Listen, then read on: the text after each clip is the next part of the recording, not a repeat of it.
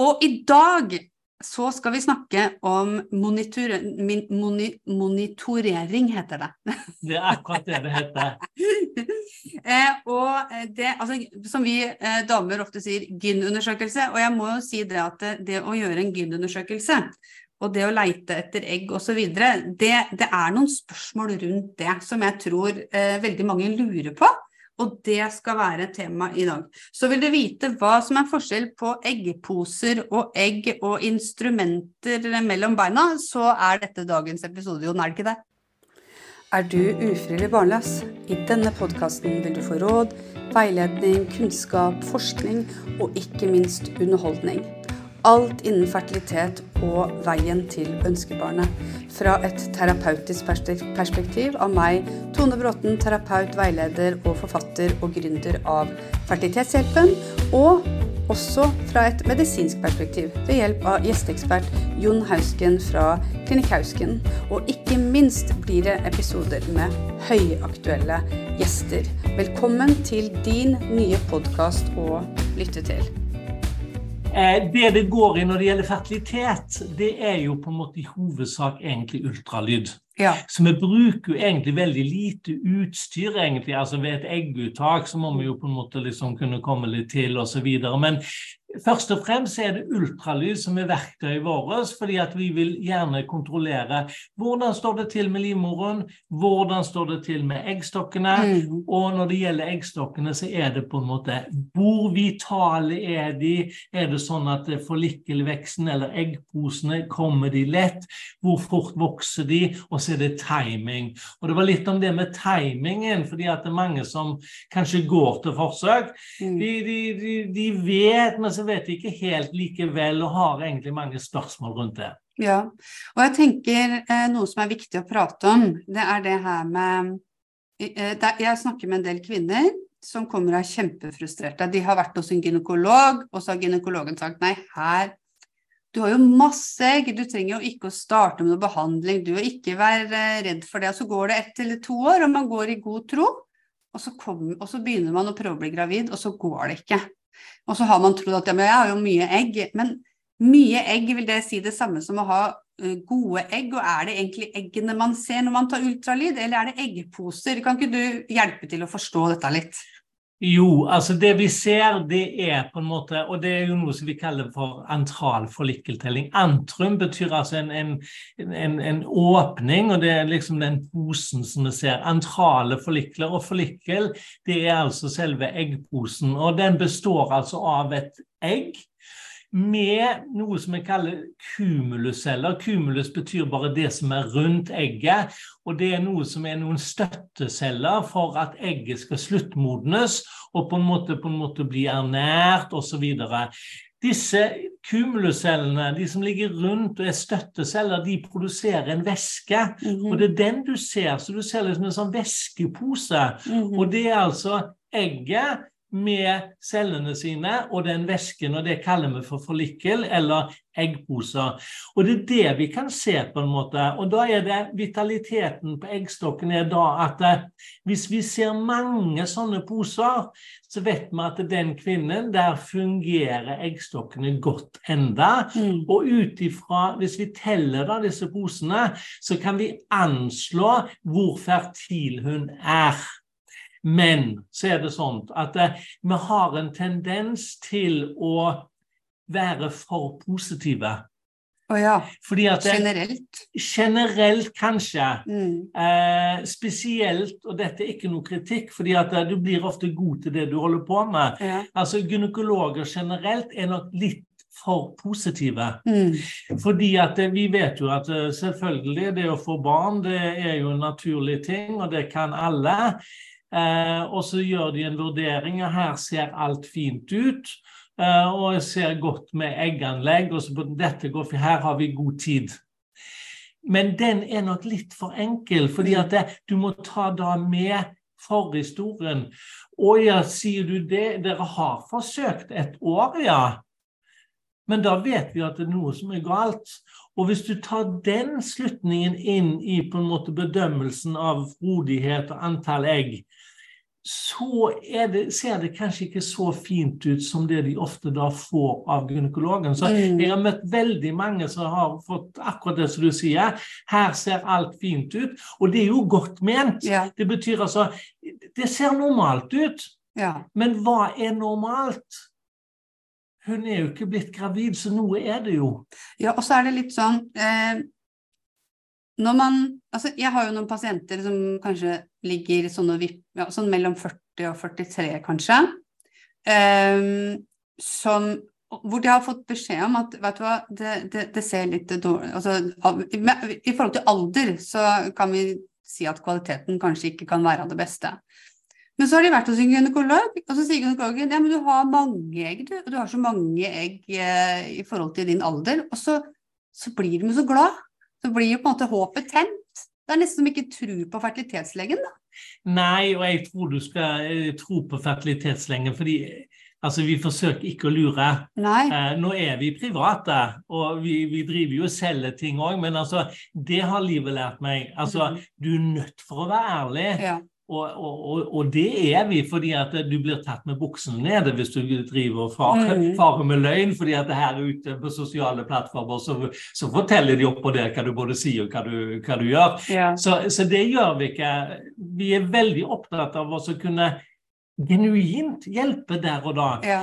Eh, men så er det sånn at det, gjelder jo å holde en positiv tone òg. Sånn at jeg tror på en måte generelt hos gynekologer så ønsker en på en måte liksom også, For vi vet jo at det, plutselig en dag skjer det. ja. Og, og liksom holde den litt i gang. At det er jo et håp. altså Jeg ser jo det er jo fine egg her. Så de er nok litt litt for positive mange ganger. Ja.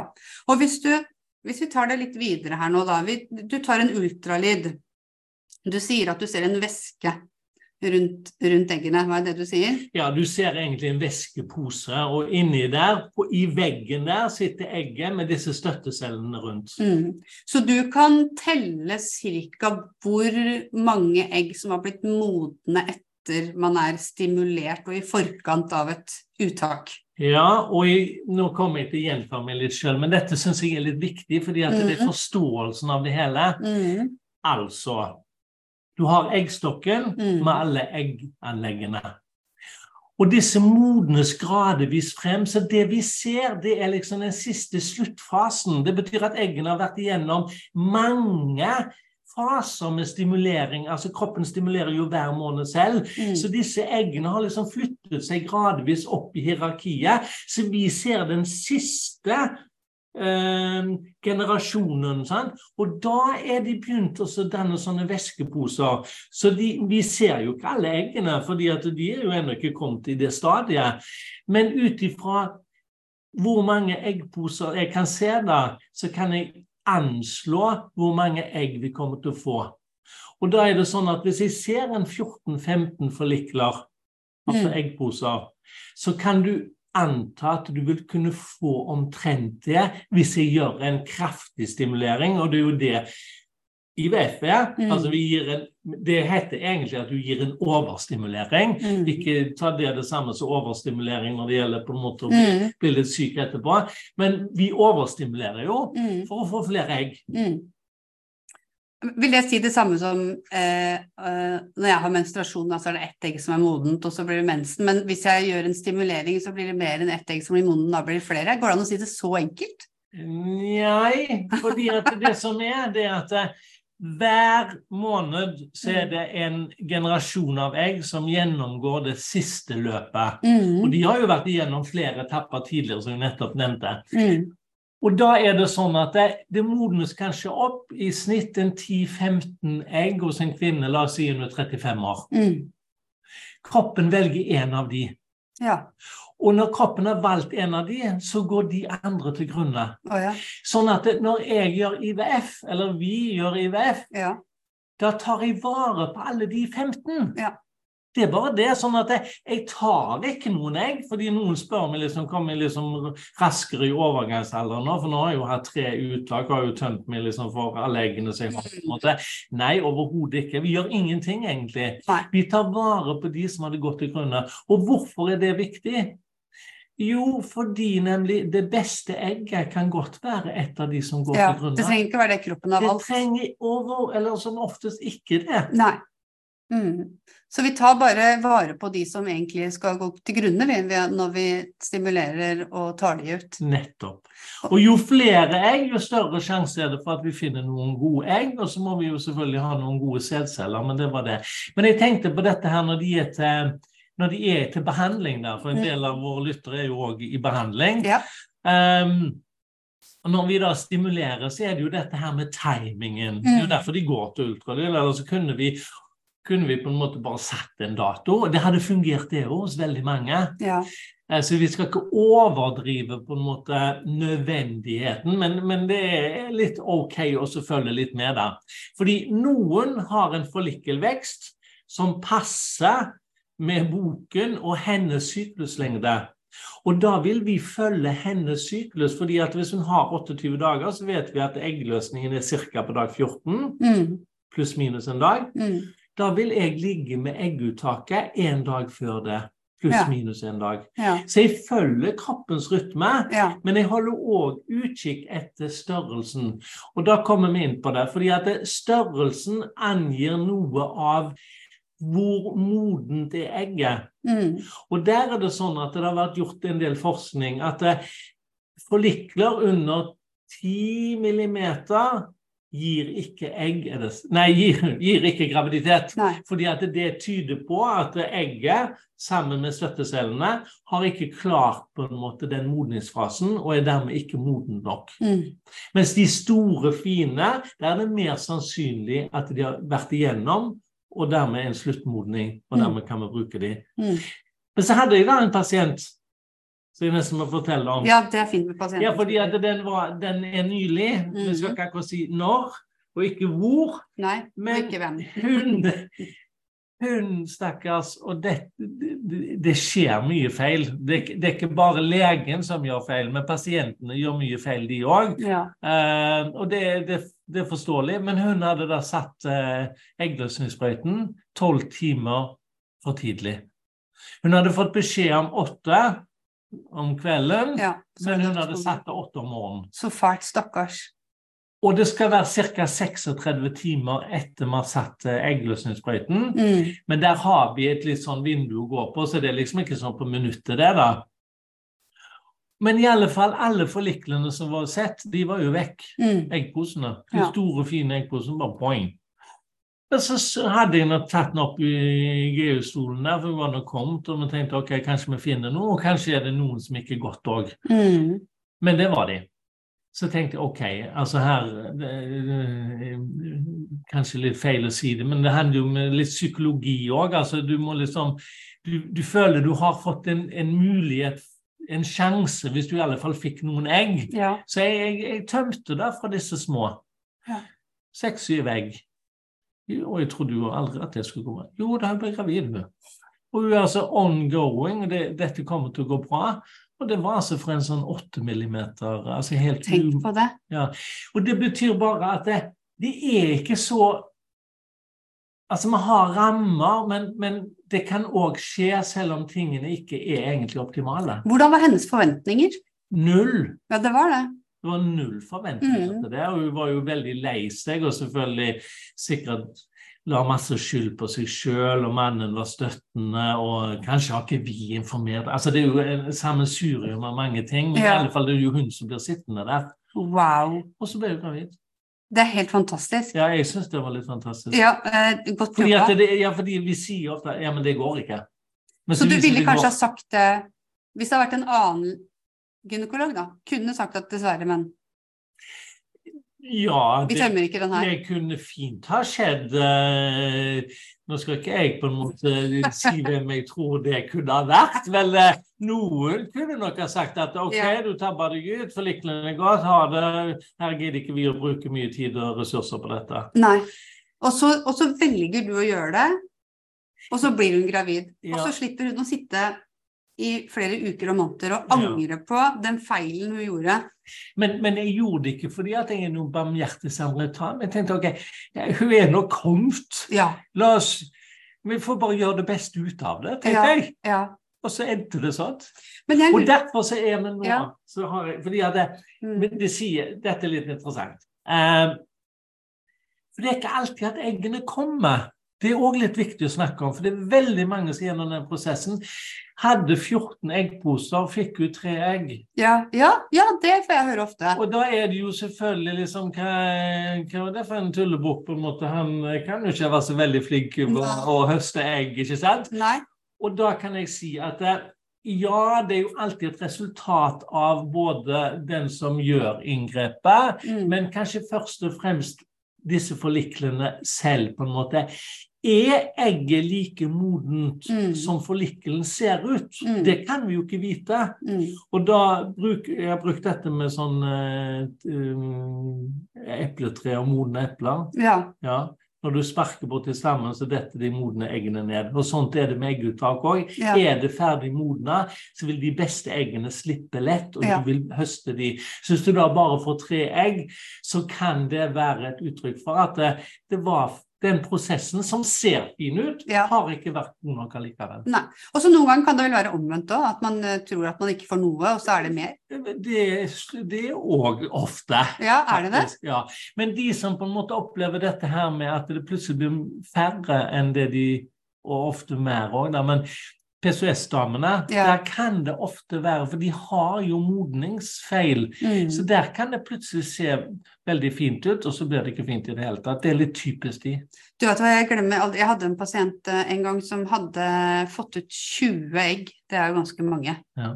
Eh, og eh, ingen Nei, det var ett som blei til blastocyst. Alle de andre var dårlige. Og så ble jeg gravid på det ene. Ja. Og det sier jo litt, da. At det liksom er Du veit jo aldri. Det er, spennende. Men kan jeg spørre deg om en ting? Fordi jeg har jo vært med på Jeg har jo gjort egguttak sjøl, og jeg har vært med på å sette egguttak. Og da, da suger man jo da Man stikker en nål inn i eggposen, er det ikke det? Og Jo. så suger man ut den væska. Ja. Og så kommer den rett inn da til eh, Først oppi et reagensrør. Ja, sant? Den fylles, ja, og forhåpentligvis blupp, ja. så dette egget oppi sammen med den væsken. ja. Mm. Og hvis de ikke gjør det sant? fordi at det reagenset der, så det sendes ut eh, til laben, de sitter jo rett ved siden av, de tømmer det opp i en skål, og med mikroskop da, så, ser de, så sier de nei, ikke egg. Da kan det være to ting. Enten så fikk vi ikke tak i det, for det løsna på en måte ikke fra, fra veggen. Mm. Kanskje fordi det ikke er så moden, eller kanskje det har vært noe feil allikevel der. sånn at det, kanskje egget allerede har gått til grunne òg.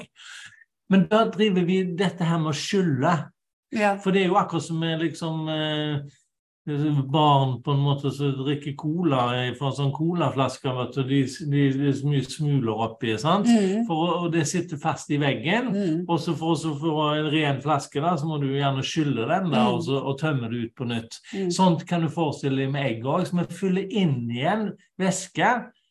Eh, og, og, og suger ut igjen. Det gjør vi kanskje flere ganger. For Mm. liksom å skylle for å få det ut. Men, men du som gynekolog, kan du se eh, på skjermen om det er egg eller ikke, eller er det da eh, eh, de som sitter på laben som først ser om det faktisk har kommet med egg i den veska?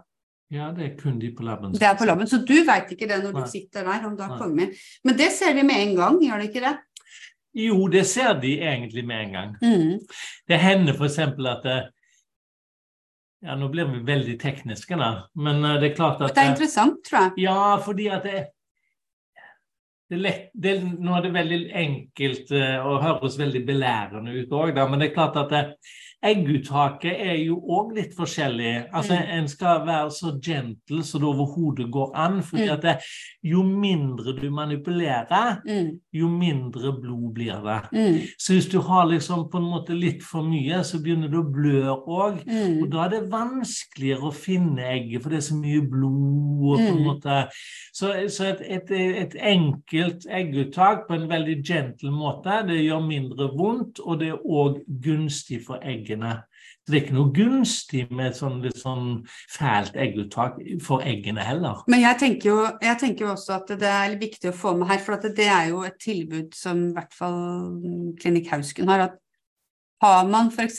opplevd traumer eller er så sensitiv mot smerte at man ikke vil være våken, når man tar et egguttak, så er det faktisk mulig å ligge i lett narkose. Er det ikke det, Jon? Jo, og jeg var jo i likhet med kanskje fagmiljøet på en måte veldig sånn at ja, men det er ikke nødvendig. Ja.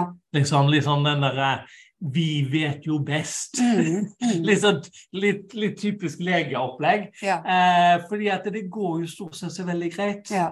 Men så glemmer jo vi at det er faktisk noen Mm. Som ikke opplever det så greit. Det er Eller har hatt en forhistorie, eller Mm. det gjorde bare helt forferdelig vondt. Ja. Og det er klart at det, vi må jo selvfølgelig være like åpne Mm. til de, og ikke Mm. bare si ja, men dette går bra. Mm. Ja, men det gikk ikke bra. Nei. Nei, og det, så Derfor så syns jeg at det at vi har fått et narkosetilbud, det er ikke noe, det er ikke noe negativt eller noe Nei, det tenker jeg er er kjempepositivt. Og Det er det, kjempepositivt. og, og det er jo opp til pasienten. Altså, man, man kunne jo tro at oi, det er sikkert kjempe, kjempedyrt, men nå skal ikke jeg si den prisen her, men når jeg hørte den, så tenkte jeg at det er faktisk ikke så dyrt hvis, hvis man ikke orker tanken. Jeg, jeg vet ikke helt prisen, jeg, men er det ikke Ikke 7000-8000? Jo, det er ikke så mye. Nei, altså, det er jo, altså, vi kan er ikke si at det ikke er noe penger, men jeg tenker at hvis du, hvis du er traumatisert, hvis du har vært utsatt for overgrep, altså at det er gode grunner til at du syns at et egguttak er veldig smertefullt, Mm, hvis du har vaginisme, altså Mm. alt dette her, mm. så at det finnes et sånt tilbud, det syns jeg bare er fantastisk. Det er jo akkurat den samme historien med, med keisersnitt. vet du. Ja. Det er klart at noen altså, Det er lett å være fødselslege og så si liksom ja, men dette, Mhm. dette går bra. Og ja, det gjør jo stort sett det, på en måte, men det er jo noen som har hatt veldig tøffe greier, og at de er redd for neste gang. Altså, det må, må du en ha litt forståelse for. Men det er jo også kvinner som jeg har altså når jeg, eh, jeg har snakka med kvinner som har vært i utlandet og plutselig blir tatt lagt i narkose da for egguttak, Ja. og blir helt sjokka. Men man skal faktisk vite at det i mange land er vanlig. Det er helt vanlig. Altså- utenom Skandinavia så er det vel er det, det som er vanlig. Jeg tror det, at det er litt sånn lett narkose, det er vanlig. Så, så man skal ikke bli sånn og kjempeoverraska hvis man faktisk får det tilbudet, da. Og det er veldig ofte sånn at eh, det er jo veldig behagelig for de som gjør egguttak òg. Da Ligger og sover. han ligger og sover, eller bare herjer på akkurat, akkurat så mye du vil. Så det er veldig lett for, for Ja. klinikken òg, men, altså, det det, men det, det er en annen skål. Ja, ja. Men jeg tenker nå har vi vært innom på en måte mm, eh, en veldig fin podkastepisode med eggets reise, syns jeg. Og fått kanskje avklart en del um, rundt hva er eggpose, hva er Ja. egg. Og så en, en annen ting, fordi at pasientene blir jo selvfølgelig litt overraska. Fordi at eh, de ser for seg, og vi har jo òg forklart hvordan dette skal være. Og så ender det ikke helt sånn. Sånn som Mm. du sa. Eh, 20 egg ut, Mm. bare fire befrukta, og så ett. Men ok, nå ble hun gravid, men det kunne vært hun ikke ble gravid òg. Ja. Og, og liksom, hvorfor det? Mm. Jo, det er forklaringer bak det. Mm. Og, og, og, av og til så avdekker vi jo da forhold som på en måte Ja, men det er ikke ukjent årsak lenger. Mm. Det er jo dette som er problemet. Det er jo det som skjer hjemme òg, på en Mm. måte. Sånn at det, Ja, men du blir jo ikke gravid. Det er jo en årsak. Mm. Av og til avdekkes det på en måte. Ja, men det er ikke så gode egg eller modning hos deg som vi, vi, vi, vi trodde Mm. pga. AMH. Alt, Mm. alt så så fint ut. Ja, Mm. men det var ikke det. Og, og uheldigvis så er det jo noen som får noen eh, triste beskjeder, da. Ja. Det, er, jo- det er jo bare sånn det er. Eh, selv om vi kvinner er veldig sånn å, nå har jeg sikkert spist eller spist feil eller trent for lite eller for mye eller stressa for mye men Jon, det er vel ikke stress og mat som er eh, avgjørende i forhold til de eggene du henter ut, er det det? Kvaliteten på de? Nei, altså det betyr nesten null og niks. Mm. Men det er interessant å snakke om det òg, da. Mm. Men jeg hadde et par nå i dag. Ja, det skulle jeg kanskje ikke sagt, men eh, ingen vet hvor jeg, ingen vet hvor jeg er. eh, som på en måte har hatt eh, De er inne i sin De har hatt flere runder, da. Skal ikke Ja, si ja, for mange. ja. Mm. Og alltid litt sånn traurig embryo. Alltid få satt tilbake, men aldri liksom noe til frys. Og liksom Mm. alltid liksom helst dag to, dag tre. Mm. Og det er jo fordi at det ikke ser gjerne så bra ut, så du tror kanskje ikke det blir blastocyst, men skal du gi det en sjanse? Og så, det er masse story bak det. Men så sa jeg OK. Et embryo lages av egg og spermier. Mm. Altså, Etter hvert så kommer en jo i den posisjonen at man kanskje må skifte ut den ene partneren. Ja. Og det er jo en prosess. Ja. Og da kobler vi deg inn. Da kobler, da kobler man meg Ja, fordi det, det, er en, det er en prosess som må modnes, på en Mm. For av og til så kommer vi ikke utenom å skifte ut en av partnerne. Nei. Og det er kjempevanskelig. Jeg hadde også et par i dag eh, hvor eh, han hadde eh, blitt veldig nøye eh, undersøkt, og det var ingen sperr, men det var så vanskelig å akseptere at han tenkte da må jeg til utlandet, for de klarer ikke å finne det her i Norge. Så det, det, kan være Altså, det, det, tar litt tid, og man skal helst ha fire streker under det svaret. Eh, at man ikke kan bruke eget genetisk materiale før man går inn i i en eller annen form for akseptfase. At man aksepterer at ok, det, det blei ikke sånn, og så må man ha litt respekt for at det, eh, det tar litt tid. Eh, og når du skal på den ene sida eh, prosessere en sorg, og på den andre sida motivere deg til en behandling du kanskje ikke var forberedt på i det hele tatt, og kanskje veit lite om, så blir det vanskelig. Så jeg tror veldig mye går på informasjon også.